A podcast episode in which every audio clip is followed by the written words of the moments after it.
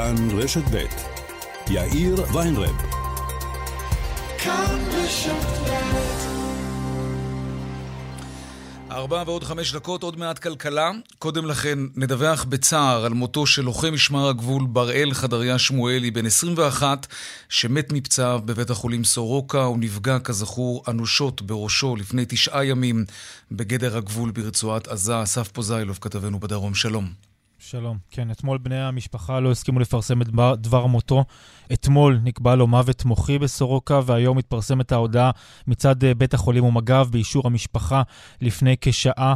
בראל חדריה שמואלי, בן 21 מבאר יעקב, סמל ראשון. הוא נשאר לוחם גיבור עד הרגע האחרון, וגם אחרי שהוא נורה בראשו, הוא שרד שמונה ימים ונלחם על חייו. כאמור, עד uh, השעה האחרונה. הוא שירת ביחידת המסתערבים של מג"ב, עבר קורס צלפים, והוא נורה בעת ההתפרעויות על הגדר, שהיו אלימות מאוד בשבת uh, שעברה, למרות הערכת uh, מצב שגויה מהבסיס של צה"ל. לפני השירות, בראל היה כדורגלן במכבי יפו, הוא החליט לפרוש כדי להקדיש את עצמו לשירות קרבי. הוא uh, עשה לכן גם שנת שירות במכינה קדם צבאית, ואחת מחברותיו למכינה סיפרה לי השבוע בבית החולים שהוא ביקר אותה בקיבוץ של היד מרדכי, ליד uh, גדר הגבול, ממש שעות ספורות לפני, לפני אותו פיגוע, לפני שהוא נורה. הם אכלו יחד אבטיח, הוא לקח הפסקה, והיא אומרת שהוא לא אמר מילה על זה שהוא בגבול עזה, הוא לא היה משתף אף פעם מפרטים, כזה היה בראל, גיבור ואמיץ, ולא רצה שאף אחד ידאג לו. בראל שמואלי הותיר אחריו אימא, אבא, שתי אחיות ואח. מועד ללוויה יתפרסם בהמשך. יהי זכרו ברוך. אסף פוזיילוב, כתבנו בדרום, תודה. במעבר חד, צבע הכסף עכשיו.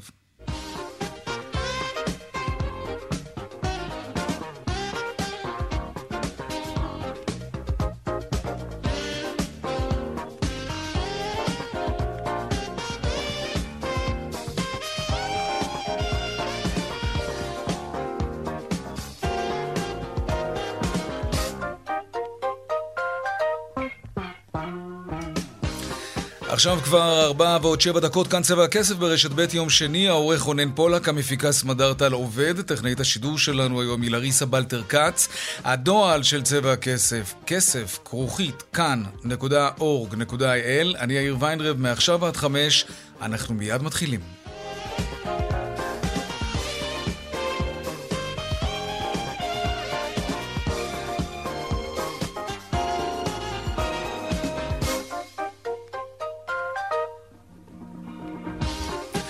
כותרות צבע הכסף ליום שני לקראת ההצבעה על התקציב ביום חמישי מעריך היום שר האוצר ליברמן כי יהיה רוב שיתמוך בתקציב וגם בחוק ההסדרים.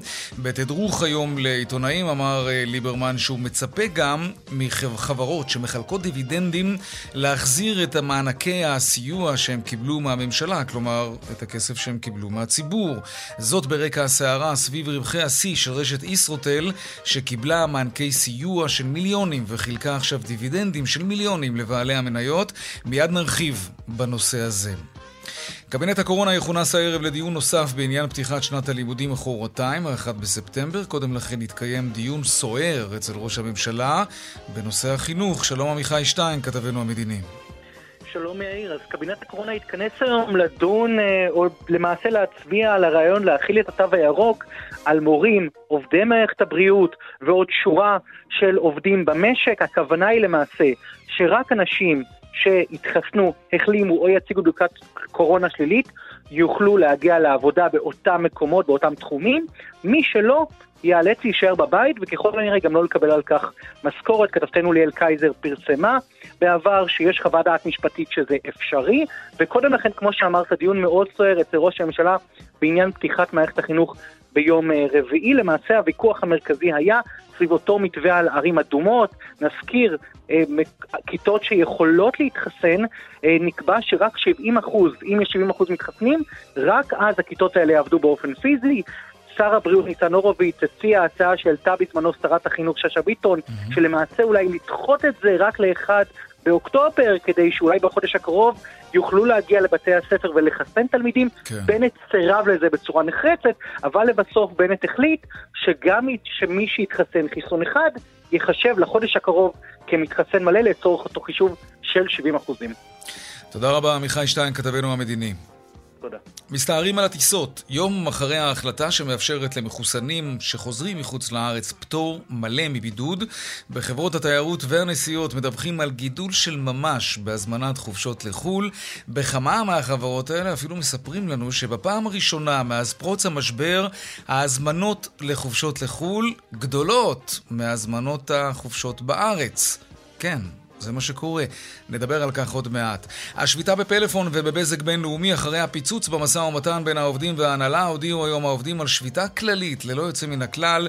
דנה ארקצי, כתבת התחום הכלכלי שלנו, שלום. שלום יאיר. אז אה, ועד עובדי פלאפון ובזק בינלאומי הודיעו שוב על שביתה כללית. מדובר בכשלושת אלפים עובדים ששובתים מכל פעילות במוקדים הטלפוניים, מרכזי השירות והמרלוג. הרקע לשביתה הוא שוב הסירוב של ההנהלה להכיר בוועד המשותף של שתי החברות, שמתנגד לשינויים מבניים שמבקשים בהנהלה לעשות. ההנהלה הגישה בקשה לצו מניעה נגד העיצומים בבית הדין האזורי בבת ים, וכרגע מתקיים דיון בנושא. בואו נשמע את דבריו של יו"ר ועד העובדים המשותף, יחיאל שמן.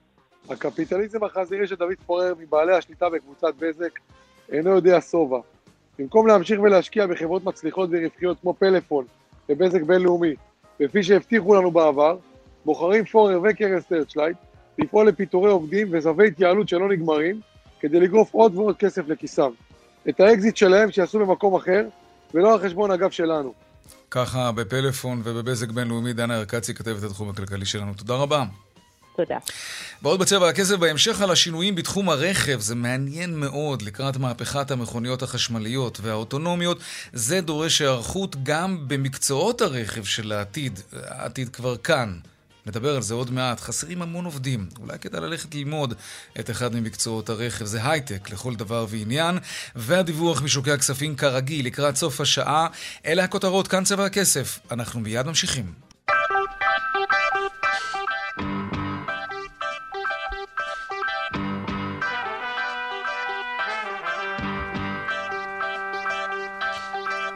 שלום זאב קם, כתבנו בכנסת. שלום יאיר, אחר הצהריים טובים. גם לך, תדרוך של שר האוצר ליברמן לפני זמן קצר. נכון, אה, ושר האוצר אה, ככה מזמן את כלי התקשורת אליו אה, למשרד האוצר, כי הוא יודע שלפניו יש מבחן לא פשוט, וזה קורה כבר ביום חמישי הקרוב, בעוד שלושה ימים. התקציב וחוק ההסדרים מגיעים להצבעה בקריאה ראשונה.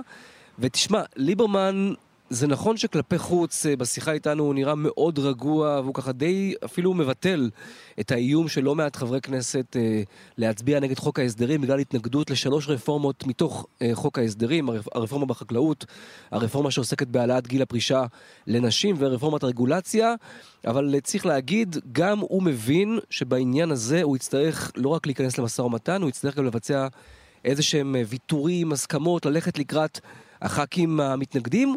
הוא אומר, בסופו של דבר זה חלק מריטואל קבוע של אישור אה, תקציב, כולם צריכים מה שנקרא לעשות אה, שרירים, לחפש הישגים של הרגע האחרון.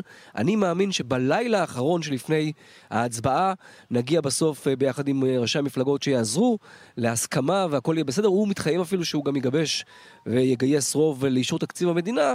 הנה מה שהוא אומר ביחס לאותם ח"כים בקואליציה, אגב לא מעטים, שכרגע לפחות עושים קולות של התנגדות לחוק ההסדרים. הנה. מה שחשוב גם להבין, שחוק ההסדרים הוא חלק אינטגרלי מהתקציב, כי אני שומע כל מיני דיבורים על נושא תקציב, וחלק מהדיבורים שאין קשר, אפשר להצביע על התקציב ואפשר לא להצביע על חוק ההסדרים, זה פשוט עור ופרח, ואי אפשר להפריד בין חוק ההסדרים לתקציב. מי שמכשיל את החוק התקציבים הוא פשוט משאיר את התקציב ללא מקור תקציבי. שמע, זה קריטי. אין תקציב, אין ממשלה. זה נכון, ולמה בעצם מתייחס ליברמן כשהוא אומר עכשיו, יש כאלו שאומרים שאפשר להפריד בין התקציב לבין חוק ההסדרים. זה מתייחס לפרסום שלנו משבוע שעבר על כך שיושב ראש סיעת העבודה רם שפע עובר חבר כנסת אחרי חבר כנסת ואומר להם, אפשר להצביע בעד התקציב, וככה בעצם למנוע את סיכון הממשלה, ועדיין להצביע נגד חוק ההסדרים, שהוא חוק נפרד, mm-hmm. שהוא לא מפיל ממשלה, וככה בעצם יהיה לנו מנוף על משרד האוצר לבוא לקראתנו בדברים שחשובים לנו באמצעות זה שאנחנו נראה להם שאנחנו רציניים ואנחנו מוכנים באמת ללכת עד הסוף ולהצביע נגד חוק ההסדרים. בעצם אומר ליברמן, שר האוצר, לא, לשפע ואחרים בקואליציה, תדעו לכם, זה לא באמת עובד הטריק הזה. תצביעו נגד חוק ההסדרים, המשמעות היא בעצם שאין תקציב, ואז הקלקולים והחריקות בתוך הקואליציה יהפכו להיות אה, למשבר של ממש. אני חייב להגיד לך שליברמן, אה, לפחות בשורה התחתונה, ואנחנו שאלנו אותו על זה כמה פעמים, mm-hmm. הוא לא מוכן לוותר על אף אחת מהרפורמות. כלומר, אם חשבנו שאולי הוא יסכים להתגמש ולהוציא לפחות אחת מהרפורמות מחוק ההסדרים ולהעביר אותה במסלול נפרד מחוק ההסדרים, mm-hmm. לפחות לפי הדברים שהוא אומר לנו היום, בשום פנים ואופן. לא, זו רק תחילתו של המשא ומתן. הוא, הוא יהיה חייב, כי, כי באמת בהרכב של הממשלה הנוכחית אין לו יותר מדי רזרבות להישען עליהן. אני לא אתפלא אם יש שם עיזים. מה אתה אומר? תראה, יש טענה שאומרת שהעיזים כבר הוצאו החוצה בשיחות שהיו עם יושב ראש הכנסת, הרי כבר 30% מחוק ההסדרים כבר אה, נפלט החוצה. במסגרת המשא ומתן בין האוצר לבין יושב ראש הכנסת, אבל אני בהחלט מסכים איתך שכנראה שיהיו עוד דברים שיאלצו לצאת החוצה, ולו רק בשל העובדה שגם אחרי שהתקציב יעבור בקריאה ראשונה, ואני מהמר שהוא יעבור ביום חמישי הקרוב, בהכנה לקריאה השנייה והשלישית, זה חודש וחצי של דיונים בוועדות, אי אפשר שהוא יישאר כמו שהוא, שלא יהיו בשינויים, שדברים לא יצאו החוצה בסופו של דבר, כי זה חלק מהדינמיקה של הכנסת, היא לא חותמת גומי, היא שמה כדי בדיוק mm-hmm. לעשות את הדברים האלו. ורק נגיד עוד מילה אחת לסיום, כי הוא מתייחס גם, uh, שר האוצר, לסיפור של אותן uh, חברות שמשכו דיבידנד, כן, ששחררו דיבידנדים, מסרו דיבידנדים uh, לבעלי מניות, בזמן שהם נעזרו בסיוע כלכלי של המדינה, הוא אומר... עשרות מיליונים, כן. כן, לא, לא מספרים של סכומים קטנים, הוא אומר, אני מצפה מחברות מהסוג הזה, uh, כל מיני גופים uh, שעשו גם את זה וגם את זה, שיחזירו את הכסף למדינה. מי שיכול לחלק דיבידנדים, לא יכול לקבל ולהישען ולבקש אה, תרומות או אה, חיזוקים מהמדינה, ולכן בעצם יש פה אמירה שרומזת לאותן חברות, תחזירו את הכסף תחזירו בטוב, את הקופה או לא בטוב. כן. זאב קם, כתבנו בכנסת, תודה רבה. תודה, יאיר.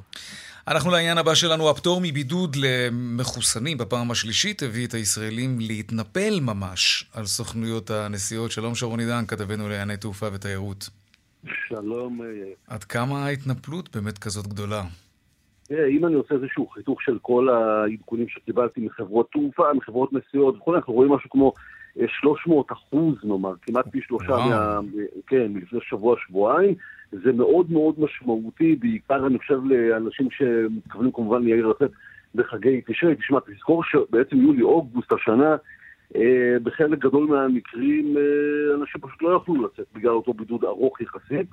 וכרגע בעצם למעט ארבע מדינות שכנראה עוד יגדלו, אה, כל העולם פחות או יותר פתוח לישראלים. אני מזכיר, ילדים כמובן, העניין הזה לא תקף, כי הם אה, צריכים להיות בבידוד אם הם לא מחוסנים, בוודאי ילדים יותר קטנים, mm-hmm. אבל זה כן מאוד מאוד משמעותי. רואים את זה בעיקר, אני חושב, ביעדים של אגן הים בתיכון, גם קצת אירופה, גם קצת ארצות הברית, בהחלט התעוררות משמעותית, אבל אחרי שאמרנו את זה, באמת, שוב נזכיר, כל מי שמחוסן פעם שלישית או בשתי מנות עם פחות מחצי שנה מאז החיסון אה, השני יכול לצאת ללא בידוד כאשר הוא חוזר לישראל.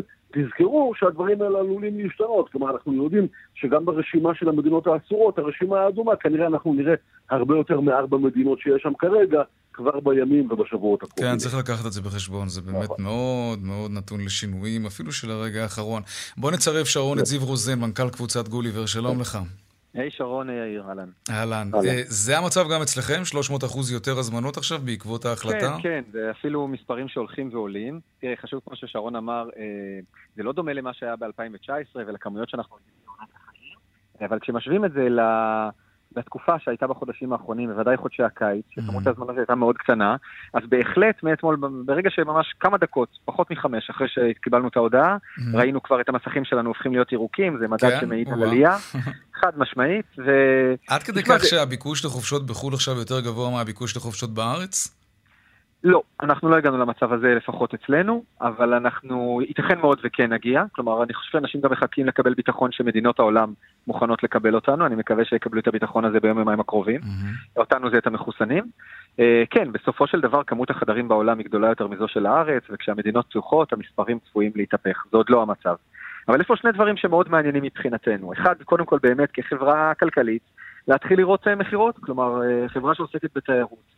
וכל מה שהיא מנסה זה אה, לעודד את האנשים לצרוך תיירות בין אם בארץ ובין אם חו"ל. אחרי חודשים שזה לא קרה, אז סוף סוף לראות את זה זה בהחלט משהו שקצת החזיר את הצבע על חיים. והדבר השני ברמה האזרחית, סוף סוף השיחה היא שיחה הרבה יותר נורמטיבית למה שקורה בעולם. כלומר, לא להגיד יש קורונה, אנחנו סגורים, אין את זה ואין את זה והכל מוגבל והכל סגור, אלא שיחה שאומרת יש קורונה, יש דבר שזה, כזה שנקרא תיירות, רק צריך עכשיו לנהל את זה ולהחליט לאן אפשר ומה ההגבלות ומה צריך לעשות ולא פחות, פחות חשוב אכיפה, שאני מאוד מקווה שבזה ישימו את הדגש, לאפשר תיירות, כי הקורונה תלווה אותנו עוד הרבה זמן, אה, גם לצד הקורונה. כן, לצער הלב. שרון, יכול להיות שעכשיו המלונות אה, בישראל יבינו שיש להם סוף סוף תחרות ויתחילו להוריד מחירים גם? אני בטוח שכן, ואגב, צריך לומר כמובן בהקשר הזה, אנחנו ראינו דוחות של ישרוטל, למי שלא עקב, עם רווח פשוט פנומנלי של 80 מיליון שקלים, אגב, הרבעון הכי טוב שהיה להם אי פעם. ברבעון, כן. כן, אחרי שהם כמובן קיבלו הרבה מאוד כספים מהממשלה, אמרו אנחנו... וגם תעריפים לא, לא נורמליים בקיץ, כן, אנשים שילמו. צריך להגיד את זה, תעריפים מטורפים, הם העלו מחירים ואנשים שילמו כי הכל היה סגור, אני מניח שאנחנו נראה את זה, אבל אולי באמת גם יאיר לתשומת לבך וגם כשאלה לזיו, באמת חברות התעופה וחברות התיירות מבינות הרי שהעסק הזה גמיש, רגיש, שביר. האם הן באמת נותנות גם את הגרייס הזה שאם אנחנו פתאום רואים עכשיו שאנחנו נוסעים ליוון ופתאום יוון נסגרת, אנחנו כן יכולים לבטל, לשנות, לדחות, להכניס מלון, להכניס מדינה וכולי? חשוב, כן. כן, אז אני אגיד בהקשר הזה, קודם כל למעלה מ-60% מהכרטיסים שנמכרים אצלנו הם כרטיסים גמישים. כי הציבור בוחר, כלומר לאו דווקא בוחר את המחיר הזול, אלא בוחר את המחיר הגמיש. זו גם ההמלצה שלנו, וכאמור למעלה מ-60% בוחרים את זה. אז זה אומר שאם חלילה יצטרכו לשנות, לבטל, הם יוכלו לעשות את זה ללא תוספת עלות. Mm-hmm. ומה ששאלת מקודם לגבי מחירים, כרגע המחירים לחו"ל הם מאוד זולים, אה, גם באופן אבסולוטי וגם בהשוואה, בוודאי לחגים. אני מדבר על אה, יעדים כמו פראג או בודפסט. תן דוגמאות. אה, חבילות לפראג, בודפסט, בוודאי יוון, בסדר גודל של 350 עד 450 דולר, חבילה שלושה לילות, בית מלון וטיסה. זה מחירים מאוד זולים, וזה, אתה יודע מה, זה כמעט כמו לילה במלון בארץ. ממש. כן. אני לא. והמלונות בארץ לא מיישרים קו, תגיד? זה בסוף שוק של היצע וביקוש, אין פה מישהו שהוא, סליחה על המילה, חזיר. בסופו של דבר, אם הביקוש אה, ירד בארץ, המחירים ירדו. אם הביקוש יעלה בחו"ל, המחירים יעלו. כך עובד השוק הזה. נו, הנה זה קורה, אתה לא רואה כבר איזושהי תגובה של אה, התיירנים בארץ. ראינו היום, ראינו היום מלונות, תראה, למשל רשת בראון, שפועלת דווקא גם כן. ביוון, אבל פועלת לא מעט בתל אביב ובישראל, כבר הודיעה היום שהיא יוצאת במבצעים לאמצע השבוע. אה, למי שיצאו עם, אה, עם ילדים וכולי, באמת יש מחירים מאוד מאוד טובים. אנחנו רואים את זה קורה וזה מבורך וזה טוב, באמת בדקה הזאת שבה למעשה אנחנו רואים שהשמיים שוב נפתחים. זאת אומרת שכן יש הפנמה של השוק המקומי שייתכן שהחגיגה נגמרת וכדאי לחזור גם למחירים היותר הגיוניים. אני מניח שאנחנו נראה את זה כאפקט דומינו ככל שהעסק הזה יחלחל, והוא יחלחל, אתה תראה שגם בחגי תשרי בישראל יהיו מחירים כנראה יותר סבירים ממה שראינו ביולי-אוגוסט, ועדיין גבוהים מאוד. שרון עידן, כתבנו לענייני תעופה ותיירות, תודה רבה. תודה, תודה יאיר וזיו. זיו רוזן, מנכ"ל קבוצת גוליבר, תודה רבה גם לך. טוב, אנחנו לעניין הבא שלנו, הזכרנו את זה עכשיו בשיחה. אה, סערת ישרוטל עכשיו, עליהום רציני מאוד על רשת המלונות החזקה בישראל. למה? כי היא הרוויחה ברבע האחרון של השנה המון כסף, 80 מיליון שקלים, והיא מחלקת עכשיו דיבידנדים לבעלים, וזה אחרי שהיא קיבלה עשרות מיליוני שקלים מהממשלה. כלומר מאיתנו, כדי להישאר בחיים בתקופת הקורונה. אולי במקום דיבידנד, היה צודק יותר להחזיר את הכסף הזה שאנחנו הציבור נתנו לרשת הזאת בתקופה הקשה שלה. היום אומר את זה בצורה מאוד מפורשת שר האוצר ליברמן. שלום דוקטור רן בן מלכה, המחלקה לכלכלה במכללה האקדמית ספיר, שלום לך. שלום, מה נשמע? אני בסדר, ונצרף לשיחה גם את דוקטור אלכס קומן, מרצה ליצירת ערך מהאקדמית תל אביב-יפו. שלום. אחלה יום, שלום. נתחיל איתך, דוקטור אה, רן בן מלכה. אתה לא אוהב, קראנו את ההתקפות האלה על ישרוטל וחברות אחרות. למה? לא, לא, לא הגיוני שאחרי רווח של 80 מיליון שקלים, לדרוש מהרשת העצומה הזאת להחזיר את הכסף, או לפחות חלק ממנו, לקופת המדינה. קופה ריקה. זה כסף גם שלך, גם שלי. אני, א', אני, אני מסכים שזה כסף שלנו, אה, אבל אני חושב שהאצבע המאשימה לא צריכה להיות לישרוטל. אוקיי? האצבע המשאירה צריכה להיות למי שנתן לישראל את המענק, אבל תכף אני אדבר. קודם כל בוא נעשה קצת סדר בדברים. ישרוטל סיימה את 2020 בהפסד של 24.5 מיליון שקלים. גם אחרי קבלת המענק. המענק היה על שנת 2020. עכשיו בשנת 2021, אחרי שהיה קצת שחרור בהגבלות, היא צריכה להגיע, כמו שאתם אומרים, אה, לרווח פיקס. והדיבידנדים. רווח היסטורי, 80 מיליון כן, שקל, כן. 78 מיליון שקלים, והרווח הוא בעצם על שנת 2021 ולא על 2020. זאת אומרת, המענקים ניתנו להם על 2020, שההפסד זה היה... לא משנה, זה אחת המדרגות, עכשיו, בדרך לעליית הגג. אנחנו רוצים כן. כביכול שהם יחזירו את הדיבידנד. מהמם. אבל אם הם היו יודעים שהם היו צריכים להחזיר את הדיבידנד, אז הם היו כנראה עושים כמה פעולות אה, כאלו ואחרות בשורות רווח וההפסד, ועושים שהרווח יהיה קצת יותר מצומצם, ואז מה היינו מפסידים? א', היינו מפסידים את המס שמשלמים על, ה, אה, על הרווחים שלהם, וגם היינו מפסידים את המס שאחרי זה מקבלים בעלי המניות שמקבלים את הדיבידנד. והמס הזה זה ו- בעצם כסף שחוזר לקופת המדינה. נכון, ו- ו- ו- ו- ולדרוש דברים בלי לדעת ובלי לחשוב, לדעתי זה מיותר. אני כן מסכים שהאצבע המאשימה צריכה להיות כלפי קובעי המדיניות. שמה, שבתקופה- שהיו צריכים לתת הלוואה במקום מענק מראש? נכון, היו צריכים לתת הלוואות, היד הייתה קלה על ההדק, היו מענקים מאוד פופוליסטיים שניתנו בעיקר אה, לענפים עם קבוצות לחץ גדולות כמו התאחדות המלונות, אוקיי. שם הייתה הבעיה. אוקיי, דוקטור אלכס קומן, מה אתה אומר? קודם כל אני מחזק בשתי ידיים את הקטע של מענקים פופוליסטיים, זה אחד הדברים המגעילים ביותר. עכשיו, אתה מסתכל לכיוון השלילי, ומה שאתה אומר, אני מקבל לגמרי, שהם היו יכולים לא לחלק את הדיבידנד. אבל אני חושב שמה שראינו שאפילו פוקס עשתה, פוקס ראתה שיש איזו התקוממות בציבור, מהמם. שהציבור מרגיש שבסך הכל מדובר על מענק שהיה צריך להציל ארגונים, לקחו את המענק הזה ומחלקים אותו בתור דיבידנד, אני חושב שאפשר היה לבוא ולא לחלק את הדיבידנד, לא לעשות את זה מהמקפצה, ולבוא ולהגיד, אוקיי, חלק מזה אנחנו נחזיר. אגב, אנחנו ראינו, אחד הדברים שקוממו מאוד את הציבור וגם את שר התיירות, זה העובדה שהמחירים, בזמן שהיינו לכודים פה בתוך המלכודת עכברים בגלל הבדיקות והקורונה, נכון, מה, קראו מחירים לנו את? הצורה. מה זה קראו לנו את הצורה? אבל אתה יודע, אה, אול- אולי, אולי לא מדובר במענקים אה, אה, כל כך פופוליסטיים, אה, דוקטור אלכס קומן. תראה, יש, יש משהו בטענה של להשאיר את העסקים האלה בחיים באמצעות מענקים. זה, זה בעצם השקעה של המדינה. כי אם העסק שורד, אז הוא מעסיק עובדים שמשלמים מס, אה. וקולט לקוחות שמשלמים מע"מ, והעסק הזה. מתרחב ומייצר מקומות עבודה, אז, אז, אז אולי זה לא פופוליזם, אולי זה לא כסף שירד לטמיון לא, בעצם. אבל הנקוד, הנקודה שהוא העלה לפני רגע, הוא אמר שאפשר במקום מענקים לתת הלוואה. ואגב, אותו דבר, זאת הסוגיה שעולה בקטע של אל על. באים ואומרים, רגע, אל על במצוקה וכולי, האם ניתן להם מענקים ומחרתיים הם יחלקו את זה בתור דיבידנד, או שבעצם נקנה חלק מהחברה, איזה, אפשר לעשות פה כל מיני סידורים, כך שברגע ש... קודם כל, אני מסכים איתך באלף אחוזים, חשוב מאוד לשמור על מקומות העבודה, חשוב לשמור על הנכסים, אבל גם חשוב שברגע שהם קמים על הרגליים, עכשיו אני רוצה לקבל את הכסף חזרה, זה מה שראינו במשבר הסאב פריים בארצות הברית למשל.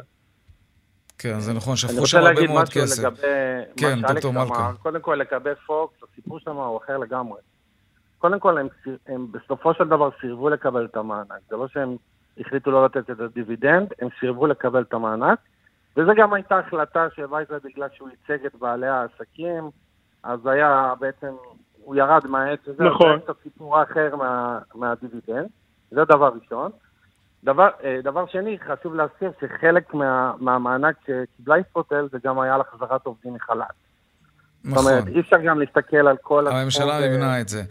אבל אתה יודע, דוקטור בן מלכה, אמ, לא רק המענקים, זה לא רק המענקים שלא חוזרים לקופת המדינה, ו- ו- וגם לא רק הרווחים העצומים, זה, והזכיר את זה דוקטור אה, קומן, אה, זה גם המחירים האלה שתקעו כאן בקיץ הזה לציבור. עשרות אלפי שקלים לארבעה לילות באילת, וזה, אתה אומר שזה לא ביקוש חזירי, אבל אתה יודע מה, אולי זה לא חזירי, אבל זה שיא החוצפה. שאול אמסטרדמסקי שלנו אמר אתמול שכשאנחנו מזמינים עכשיו חדר בישרוטל, אנחנו בעצם משלמים עליו פעמיים. גם קיבלו כסף מהקופה הציבור, הקופה הציבורית, ואנחנו גם כן משלמים עכשיו על החדר בנפרד ועוד, אבל ועוד אתה ביוקר. חייב, להבין. וגם אלכס מבין את זה, שהעלאת המחירים היא חיונית, היא חלק מהמנגנון הכלכלי. כשיש ביקוש כל כך גבוה, אם אתה לא מעלה את המחירים, אז, אז אף אחד לא היה בעצם מוצא חדר פנוי בגלל ביקוש הגבוה. ה- ה- המחירים בסופו של דבר זה מנגנון חשוב שמאפשר לכל מי שממש רוצה לצאת לחופשה. כי אלה שיכלו לדחות או למצוא אלטרנטיבות אחרות, אז הם עשו את זה ופינו את החדרים למשפחות שכנראה ממש רצו את החופשה. אתם לא מבינים מה היה לא, קורה זה פה. פשוט הפך להיות, לא, פשוט המנגנון- הפך נופש לעשירים בלבד, או לכאלה שהיו מוכנים לקחת הלוואות בשביל אבל זה. עוד פעם, בלי, בלי העלאת המחירים ובלי ה... תעלה את המחירים, אין מה לעשות, זה שיעור א' בכלכלה, 100%. נכון, כן, אתה זה אומר- הגיע אבל לרמות מטורפות, לא הגיוניות. אבל מה זה יותר מדי? אם עדיין... אני אגיד לך מה זה יותר מדי. כנראה זה לא יותר מדי. לא, לא, לא, אני אגיד לך יותר... נוצר מצב ששר התיירות, שעשה קמפיין לעודד נכון, תיירות לאילת, כן. הפסיק את הקמפיין, הוא אמר, חבר'ה, מה אני אשלח אתכם לאילת שישתו לכם את הדם? שהם ישברו את הראש. אז אני חושב שיש בכל זאת, אני לגמרי מבין את האיזון של ביקוש והיצע וכולי, כולנו מבינים את זה. אבל יש באמת מנגנון שיכול לאזן. את זה? יש מנגנון שיכול לאזן את זה ולבוא ולומר לבית מלון, לרשת, לאיש עסקים, תשמע, אתה מגזים פה. ב- ב- בכלכלה חופשית זה בעיה, כי אין באמת. הכלכלה יודעת לנהל את עצמה, זה היד אתה הנעלמה. יכול לעשות הגרלות, אתה יודע, זה הדרך השנייה. מחיר לנופש, ולעשות עם כל הגרלות. המשתכן, כן. רולטה רוסית, שלושה מתוך ארבעה יקבלו חדר. טוב, איך שלא נסתכל על זה, זה נראה שאנחנו מתחילים להתאושש, וזה הצד החיובי של הסיפור הזה. דוקטור אלכס אמן. קומן, תודה רבה. דוקטור רן בן. מלכה, תודה רבה גם לך. תודה. להתראות. דיווחי תנועה עכשיו.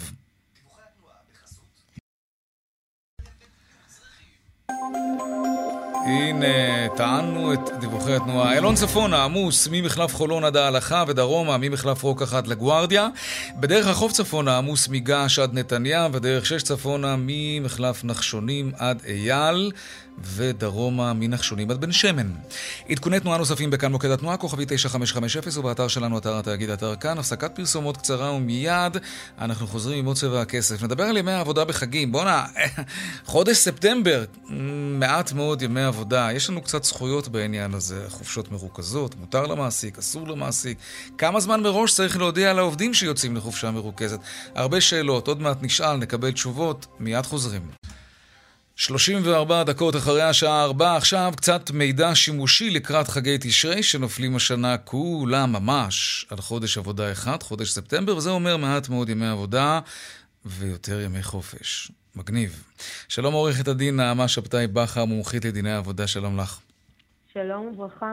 בואי נתחיל עם uh, חופשה מרוכזת. אפשר להוציא כן. את העובדים לחופשה מרוכזת, והאם חופשה כזאת היא, היא באופן אוטומטי על חשבונם של העובדים? אז לשאלתך הראשונה, בהחלט כן. המעסיק רשאי אה, להוציא את העובדים שלו לחופשה מרוכזת, אבל בתנאי שהוא מודיע להם על כך לפחות שבועיים מראש. Mm. כלומר, בהינתן שערב סוכות חל ב-20 בספטמבר, צריך להודיע עד ערב ראש השנה אם יש כוונה להוציא את העובדים לחופשה מרוכזת או לא. מהמם. זה בדיוק לא ברגע שבועיים האחרון. קודם לכן. מהמם. לא. לא ברגע העובד צריך האחרון. להיערך, לעשות תוכניות. עכשיו, לגבי ה... על חשבון מי זה יהיה, אז מבחינת החוק, חול המועד הוא יום עבודה רגיל לכל דבר ועניין, ולכן, על פי החוק היבש, זה ימי חופשה על חשבון העובד. כן Mm. צריך לומר שבהרבה מקומות עבודה כבר התפתחה מין אה, פרקטיקה כזאת של מבצעים חצי-חצי, חלק על חשבון המעסיק, חלק על חשבון העובדים. כי יש בזה משהו קצת לא זאת- הוגן. כלומר, אנשים מקבלים ימי חופשה משהו- כדי לשחק איתם איך שהם רוצים. זה לא, זה לא מדויק, כי החוק בכל זאת קובע שאת מועדי החופשה קובע המעסיק. אבל זה כן נכון שמן הראוי להתחשב בצרכים של העובד, בבקשות של העובד, באילוצים של העובד. בסוף זה החופשה שלו.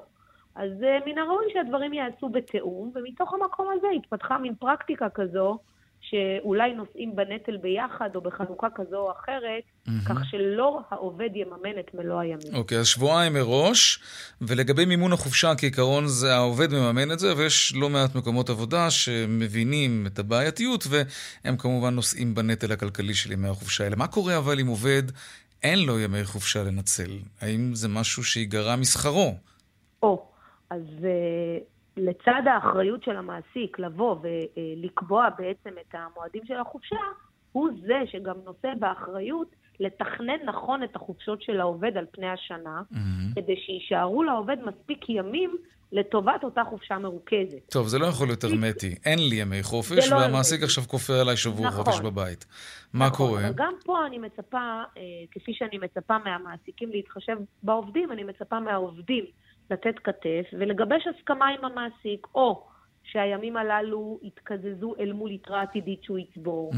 או שהימים הללו אה, יופחתו מן השכר, או שאם למעסיק יש אפשרות, אז את העובד הספציפי שאין לו ימי חופשה, הוא ייאלץ להגיע לעבודה בימי חול המועד. Mm, קצת מבאס. קצת מבאס. להיות לבד במשרד. אתה יודע, אי אפשר הכל. למרות שדווקא יכול להיות נחמד כשחושבים על זה. תגידי, ערב חג זה יום עבודה? ערב חג זה יום עבודה רגיל, ויש רק שונות אחת, שעובדים שעה פחות.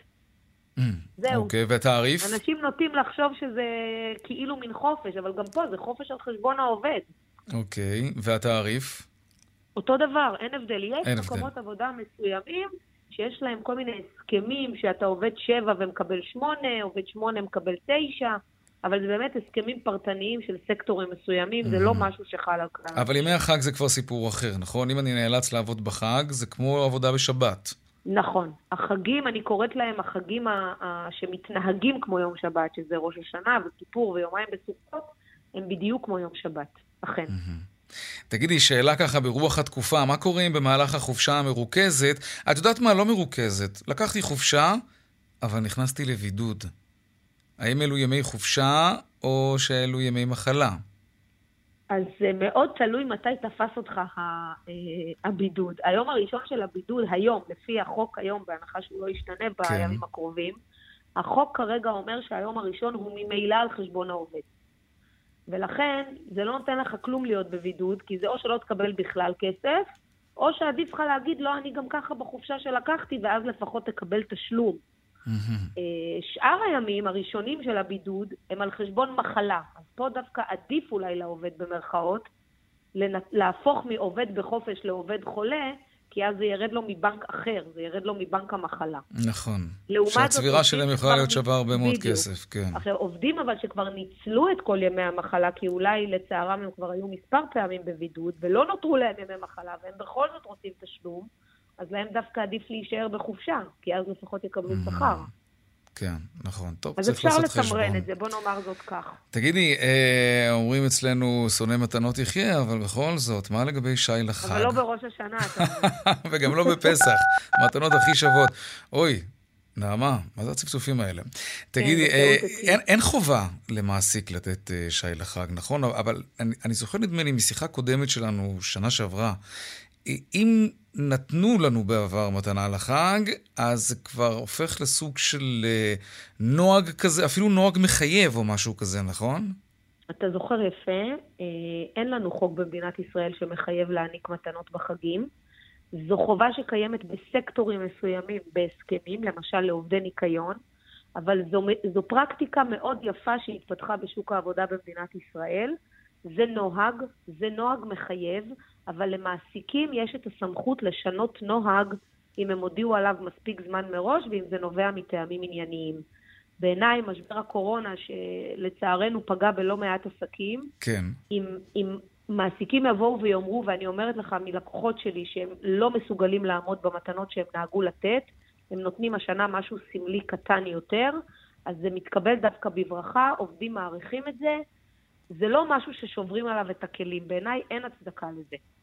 כן, אני חושב שיש בזה משהו שהוא באמת יכול אה, להביע התחשבות מצד העובדים כלפי אה, בעלי העסק. אם כבר קורונה, מדברים עכשיו הרבה על חיוב אה, עובדים שנותנים שירותים לקהל בתו ירוק. סך הכל זה הגיוני, אבל מה לגבי עובדים שלא עובדים מול קהל?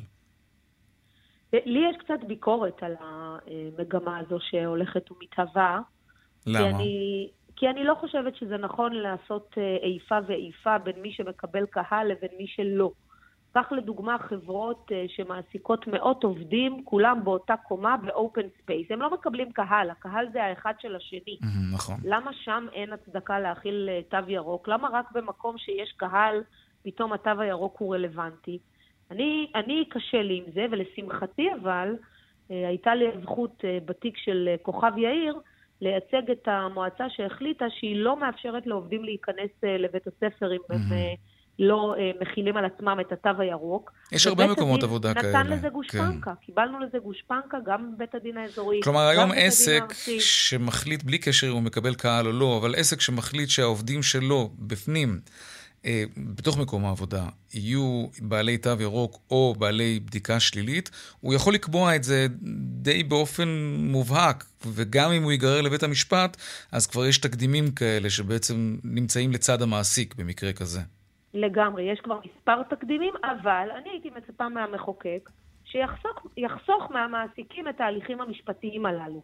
כי אם יהיה חוק ברור ורחב, אז אפילו עלויות של הליך משפטי יחסכו מהמעסיקים. כרגע אין את זה, אז אנחנו נדרשים להתמודד. אנחנו מצליחים, אבל אנחנו נדרשים להתמודד. אפשר. לעשות את זה יותר פשוט. עורכת הדין נעמה שבתאי בכר, מומחית בדיני עבודה, תודה רבה. תודה רבה, שנה טובה. שנה טובה. אה, לעניין הבא שלנו, נדבר על ענף הרכב. אה, כבר כמה שנים טובות שהענף הזה הוא, הוא בעצם הייטק לכל דבר. לא רק מכונאות, לא רק מכניקה, בעצם הקטע המכני כבר פחות דומיננטי, וכל מה שמסביב, המערכות החכמות והממוחשבות והדיגיטליות, החשמליות, הם אלו שהפכו להיות הדבר. שלום חגית אליאס, מנכ"לית מומנטום, אה, מנוע הצמיחה של מקצועות הרכב בישראל. שלום. אהלן. בואי נדבר על אה, ענף הרכב בעוד עשר שנים. אני רוצה לזרוק אותך כבר לשם. איך הוא ייראה? תראה, קודם כל אנחנו רואים חדירה של, אה, חדירה מסיבית אפילו של רכבים שהם הרבה יותר אה, חכמים. לפי התחזיות אנחנו יודעים שכבר ב-2020 אנחנו צפויים לעלות על הכביש 950 אלף רכבים חשמליים. Mm-hmm. ואם התחזיות אכן יתממשו, אנחנו מדברים בערך על כחמישית עד רבע מצי הרכב בישראל. והתמהיל הזה, שגם יש עלייה מאוד גדולה בכמות הרכבים, וגם התמהיל של הרכבים הולך להשתנות, זה גורם באמת לכל המעגלים שקשורים, גם של המשתמשים וגם של מי שמתחזק ומוכר את הרכבים, להשתנות uh, באופן דרמטי. מבחינת כוח האדם, כלומר, זה יותר מתכנתים ומהנדסים. ו... נכון. Mm-hmm. אוקיי. גם תשתיות וגם כוח אדם. אז רגע, אבל תכף נדבר באמת על כוח האדם, אבל mm-hmm. בעוד עשר שנים אנחנו נראה כאן יותר מכוניות אוטונומיות, או שיש בכלל איזשהו ז'אנר, ז'אנר שהולך ו- ומתפתח, ואנחנו אפילו לא מודעים לו כל כך אולי. אני חושבת שאי אפשר לעצור את הרכבת. אנחנו לקראת uh, פיתוח של יותר ויותר רכבים, רכבים אוטונומיים. כבר היום הרכבים הם תשתיות אוטונומיות, ואי אפשר לעצור את הרכבת. Mm-hmm. ואנחנו רואים בשנים האחרונות אם נגיד אנחנו מסתכלים על סוף 2019, כן. אז, אז, אז היה קצב הרבה יותר איטי. ראינו כאלפיים רכבים חשמליים והיברידיים, 175 אלף רכבים היברידיים, וכבר בשנה האחרונה אנחנו רואים קפיצה מאוד מאוד גדולה. ככה ש... אבל זה פחות זה מרגש, קורה. האוטונומיות וההיברידיות והחשמליות, זה... אני, אני מנסה ככה, את יודעת, להפליג בדמיון. מכוניות מעופפות, זה, יש כיוון כזה? כי ראינו כמה כאלה בזמן האחרון שנמצאים כמובן בשלב של פיתוח. לאן ענף הרכב אז הטכנולוגיה, הטכנולוגיה שם, ויש כבר חשיבה גם על אה, תחבורה מעופפת, אבל אם אנחנו מסתכלים על המציאות שלנו, אז המרחב שלנו, יש בו הרבה מאוד אתגרים והוא מוגבל, אז אני לא בטוחה שבעוד עשר שנים אנחנו נראה מכוניות מעופפות. חבל. כי גם המרחב האווירי שלנו... כן, זה, זה בהחלט משהו ש... כמה פעמים אני מדמיין שיש לי F כזה ב, ב, במהלכים, לצד ה drive, fly כזה. Mm-hmm. זה היה יכול להיות מאוד נחמד. לחלוטין, תראה, יהיו כל מיני אה, פיתוחים שהם אה, ליד, אנחנו רואים עכשיו רכבל חדש בחיפה. נכון. אה, שנמצא ככה מעל הקו האווירי, אבל עדיין אנחנו צריכים להבין שיש פה באמת uh, תשתיות. וצריך לראות איך אה, גם מפתחים תשתיות וגם מתאימים אה, את העניין, כאשר הטכנולוגיה היא שם, היא מתפתחת והיא מתפתחת בקצב מהיר. אני חושבת שרמת התגובה שלנו פה בישראל היא מאוד מאוד נמוכה, וזו הסיבה שהמשבר שאנחנו כל כך מרגישים אותו באופן אקוטי, אה, פוגש אותנו, פוגש אותנו ומגביל אותנו. גם. באפשרויות אז על איזה משבר את מדברת? על המחסור בכוח אדם? כי אם הטכנולוגיה נמצאת, אבל אין יותר מדי אנשים שיפתחו אותה ויישמו אותה ויטמיעו אותה, אז, אז באמת לא ייקח אותנו בקצב שאנחנו רוצים כדי להגיע למקומות האלה. כמה חסרים? נכון, כמה, עובד, נכון, כמה ידיים עובדות חסרות? מחסור, אז קודם כל כשאנחנו מדברים על מחסור, אנחנו שמים דגש על היצע איכותי, על כוח אדם מיומן. כי אם בעבר יכולנו לשלב אנשים עם רמת מיומנות מאוד מאוד נמוכה, היום אין כל כך מה לעשות מה איתם. חסר היום? כי בלי אנגלית... היום חסר לנו ב- ברגע זה כ-1,500 בעלי מקצוע, 4,000, אה, סליחה, 4,500 אה, מכונאים, 650 מאבחנים מומחים, מה שנקרא רב אומן, 500 טכנאי מרכב. אם אני ככה מנסה ככה לתת איזה מספר כללי, אז במדינת ישראל יש כ-5,412 מרכזי שירות. ולכל מרכז ברגע נתון חסרים שלושה אנשים, שלושה בעלי תפקידים. איך זה שהשוק לא ידע לייצר אה, את כוח האדם שהוא זקוק לו? אז יש כאן שילוב, כי בוא נאמר שענף הרכב סבל לאורך שנים ממחסור בינוני של כוח אדם, שהלך והתחדד, mm-hmm. ואני חושבת שהשילוב בין המחסור בהיצע איכותי, כאשר אנחנו רואים שמי שמייצר את כוח האדם הטכנולוגי, מגמות הרכב, החינוך המקצועי, הלך והצטמצם בשנים האחרונות. ומצד שני, אנחנו רואים שאין התאמה של מערכת ההשכלה וההכשרה בישראל, שזה פוגש לא רק את ענף הרכב, זה פוגש הרבה מאוד ענפים שנמצאים ממש במקום לא פשוט. כי מערכת ההכשרה לא נותנת מענה מספק לא מה הן רמות השכר במקצועות האלה שציינת? אז רמות, אתה יודע, בסוף יש כאן את כוחות השוק, וככל שיש ביקוש, אז רמות השכר בהתאם. אנחנו עוקבים גם אחרי העניין הזה, וכשאנחנו מסתכלים על תפקיד הכניסה, אנחנו רואים שבעלי מקצוע שמצליחים להיקלט ולהיכנס לאיזשהו מסלול של הכשרה מאוד מאוד סדור, עם הניסיון ועם הזמן הם מגיעים למשכורות מאוד מאוד יפות, ואני יכולה להגיד היום שאם בעבר מי שלמד הנדסאי רכב ומכונאות, אה, היה מה שנקרא, הייתה לו אופציה אחת. אה, אז היום אנחנו רואים שהתחרות היא מאוד גדולה, כי גם ההייטק היום מחפש הנדסאי רכב, נכון. לצורך העניין. כי, כי הוא חלק מתעשיית הרכב, ההייטק. בדיוק, בדיוק. הכל מתחיל להיות כבר אה, מולטי דיסציפלינרי, כי גם הרכב הפך להיות אה, מחשב על גלגלים, ויש בו מערכות אלקטרוניות, ו... נכון. אז הדברים מתחילים באמת אה, להפוך להיות אתגר אמיתי. אה, יחד עם זאת, אנחנו רואים שהחבר'ה הצעירים לא מספיק מודעים למה שקורה היום בענף הרכב, ועדיין הדימויים והתדמית והסטריאופטיפים הם של ענף שחור, מלוכלך, שמן וכאלה, בעוד שאנחנו כבר נמצאים באיזושהי אה, התקדמות מאוד מאוד יפה, עם סטנדרטים שגם היצרנים מצליחים ככה לכוון כן. אותם. האמת שנכנסים היום למוסכים גדולים, זה באמת נראה כמו איזה חממת הייטק כזה. נכון. הכל ממוחשב וכולי. חגית אליאס, מנכ"לית מומנטום, מנוע הצמיחה של מקצועות הרכב בישראל, תודה רבה על השיחה הזאת.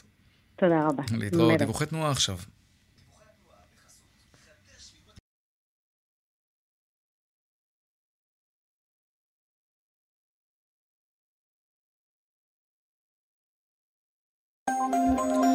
בדרך אשדוד-אשקלון עמוס ממחלף אשדוד עד צומת גן יבנה, ובגאה הצפונה עמוס ממחלף השבעה עד מורשה ודרומה, ממורשה עד גבעת שמואל, בדרך 66 לכיוון דרום.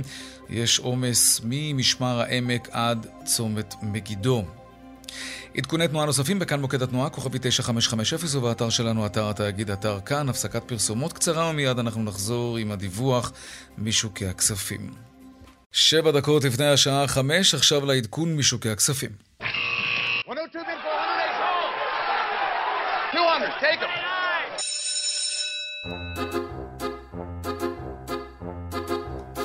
שלום רואה החשבון אמיר אייל, יושב ראש קבוצת ההשקעות אינפיניטי.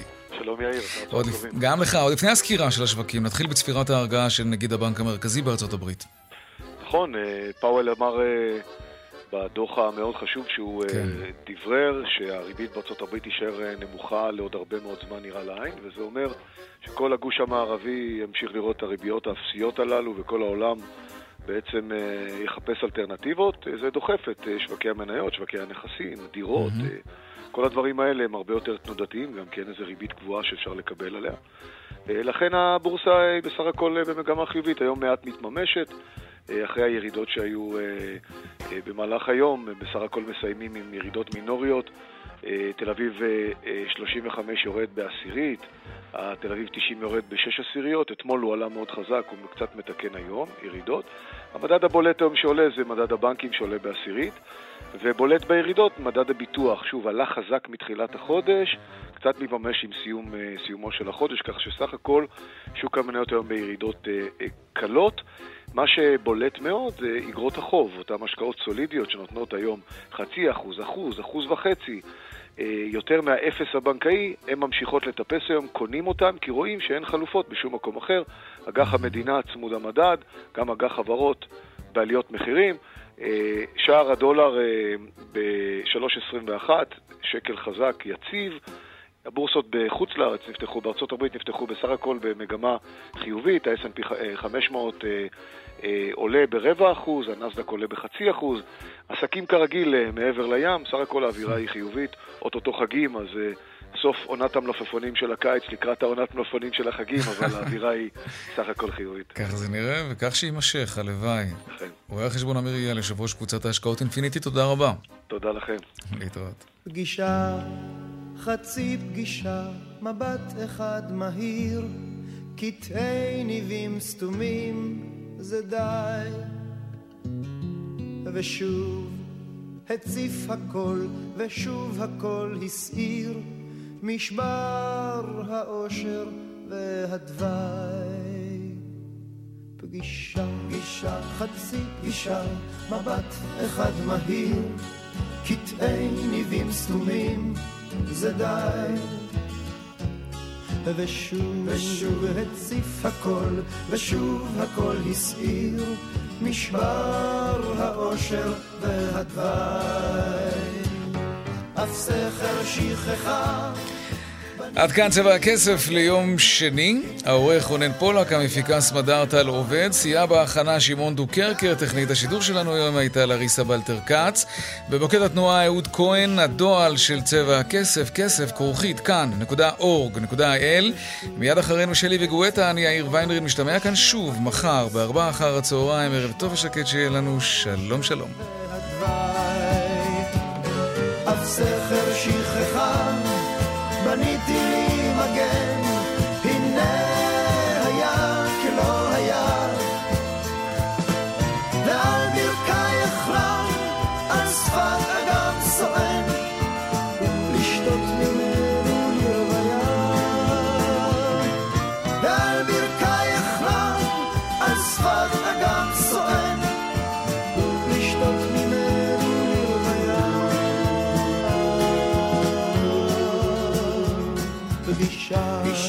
חצי פגישה, מבט אחד מהיר, קטעי ניבים סתומים.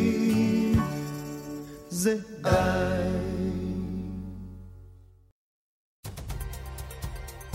שלי יחימוביץ', כאן, אחרי החדשות. כאן רשת ב'